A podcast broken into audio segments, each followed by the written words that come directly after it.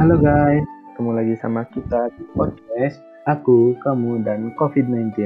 Gimana nih kabar kalian semua? Pasti sehat kan?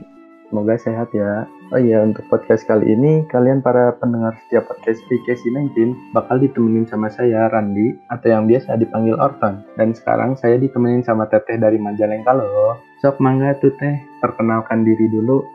Halo teman-teman, kenalin, saya Aulia bisa dipanggil Aul. Nah, jadi kita berdua nih bakal nemenin kalian selama beberapa menit ke depan, tentunya dengan pembahasan yang berbobot dan seru banget. Jadi jangan di skip-skip ya. Nah iya betul, jangan di skip-skip loh ya. Oh iya oh, kalau boleh tahu kita bakal ngobrolin apa sih di podcast kali ini? Hmm, di podcast kali ini kita bakalan bahas mengenai protokol baru dari World Health Organization atau biasa kita sering dengar sebagai WHO. Itu loh Ton, Organisasi Kesehatan Dunia. Hah? Protokol baru? Dari WHO? Emang apaan tuh protokol barunya? Dari yang pernah aku baca sih, WHO menyarankan untuk selalu mencuci tangan, memakai masker, menjaga jarak, dan juga WHO menambahkan pendoman untuk memastikan ventilasi yang baik di dalam gedung dan tetap menggunakan masker walaupun berada di dalam ruangan tertutup dan penuh sesak. Oh alah, jadi poin utamanya tetap ya buat jauhin kerumunan dan lebih baik stay at home ya ul.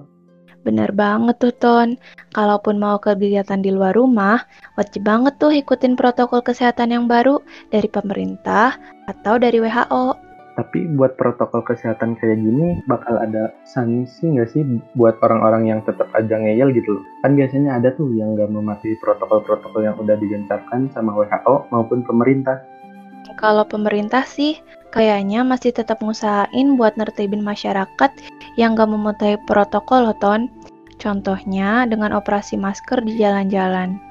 Tapi tetap aja kan, mau ada aturan dan protokol gimana pun, kesadaran diri sendiri yang paling penting loh.